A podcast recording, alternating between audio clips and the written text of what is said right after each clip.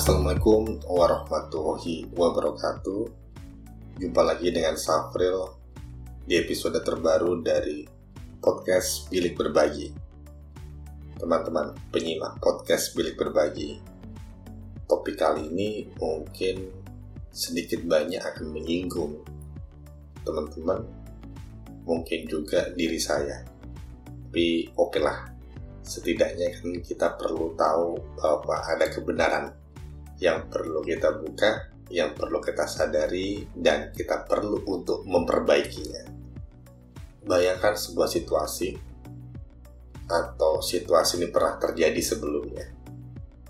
Teman kita curhat bahwa ia sebenarnya sudah tidak tahan menjalin persahabatan dengan sahabatnya yang toksik jadi saking toksiknya nih, dia sampai nggak kuat dan dia bertanya pada kita apa yang perlu dia lakukan.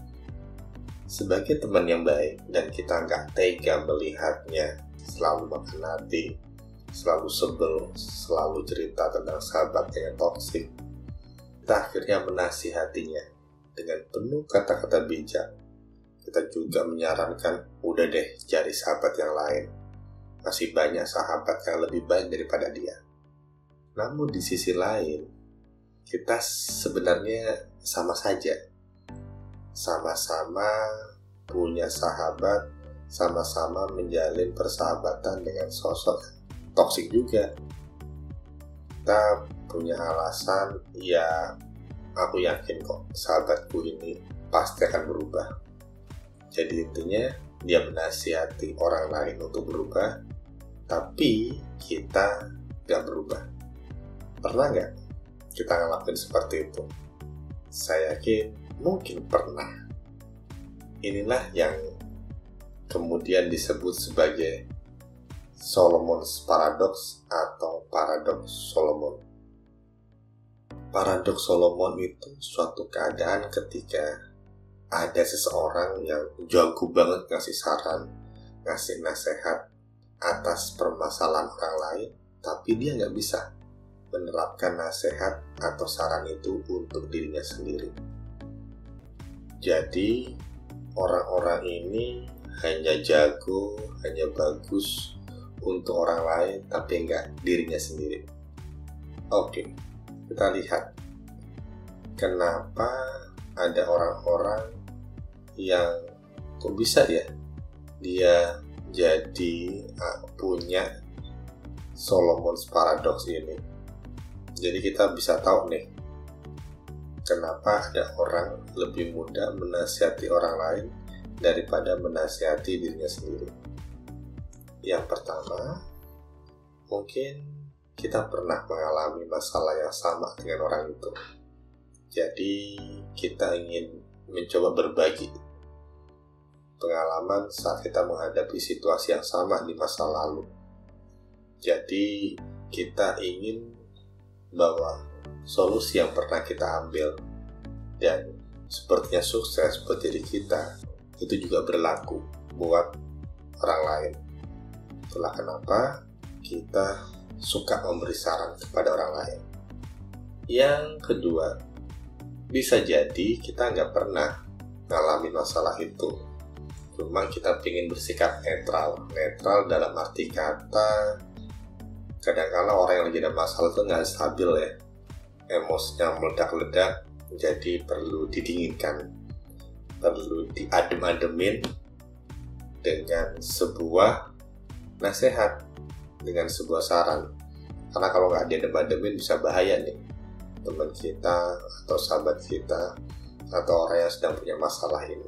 Sehingga akhirnya kita memberikan saran, memberikan nasihat agar orang ini tenang. Coba di sisi lain, ini agak bahaya kalau ternyata kita nggak sepenuhnya atau malah tidak pernah mempraktekkan apa yang kita omongkan. Kita nggak pernah walk the talk, kita nggak pernah menjalankan apa yang kita omongin karena ini sama aja bohong kan. Kita menyuruh orang lain, tapi kita nggak menyuruh diri kita sendiri. Nah, biar kita nggak terjebak pada Solomon Paradox, kita penting banget untuk mencoba menasihati diri kita sendiri terlebih dahulu. Kenapa ini penting untuk menasihati diri sendiri terlebih dahulu? Pertama, kita ada langkah pencegahan untuk tidak merasa benar sendiri. Kedua, ini membiasakan diri kita untuk berpikir terbuka terhadap beragam sudut pandang. Yang ketiga, ini melatih diri sendiri untuk tidak berperan, tidak anti kritik dan memberi nasihat buat diri sendiri itu bentuk cinta kasih self love bentuk kecintaan pada diri kita sendiri. Kemudian karena kita menasihati diri kita sendiri terlebih dahulu kita bisa lebih wise dalam memberi nasihat kepada orang lain kemudian pertanyaannya adalah berarti kita nggak boleh ya Mas Afril untuk memberi nasihat kepada orang lain. Ntar dulu, Solomon's Paradox bukan seperti itu konsepnya. Kalau memang kita ada komitmen untuk menjalankan apa yang kita omongkan, silakan berikan saran itu. Atau kita sedang melakoni saran itu. Masih belum sukses-sukses amat sih saran itu pada diri kita tapi kita sudah merasakan perubahan-perubahan baik yang meskipun kecil. Sehingga apa? Kita lebih firm, kita lebih yakin dalam memberi saran kepada orang lain. Selanjutnya, kalau kata guru saya nih Pak Pras, jangan memberi saran kalau nggak diminta. Kalau nggak ada seseorang yang meminta sarannya pada kita, kita nggak usah tiba-tiba memberi saran pada dia. Nggak ada untungnya buat kita. Kecuali menunjukkan betapa kita kepo terhadap urusan orang lain. Jadi kalau ada orang yang minta saran kita barulah kita berikan saran. Selama orang itu tidak minta saran pada kita wait and see aja. Kecuali kesalahannya atau masalahnya membuat dia terprosok lebih jauh atau membahayakan hidupnya di dunia dan di akhirat. Kalau seperti itu mau nggak mau kita tangan meskipun dia nggak kita saran. Anggap aja kalau dia males sholat. Sahabat kita males sholat. Nggak pernah sholat malahan. Nggak usah nunggu dia minta saran. Nasihati dia dengan bijaksana. Pilih kata-kata terbaik yang bisa menggugah semangat dia untuk berubah lebih baik. So, teman-teman punya podcast Beli Berbagi. Jangan sampai kita terjebak dalam Solomon's Paradox, tapi tetap jangan pernah untuk tidak memberikan saran yang terbaik pada orang-orang kita cintai. Karena sebaik-baik hadiah adalah nasihat. Hadiah untuk diri sendiri maupun hadiah untuk orang-orang yang kita cintai. Itu aja sih. Sampai jumpa di episode berikutnya dari podcast Bilik Berbagi.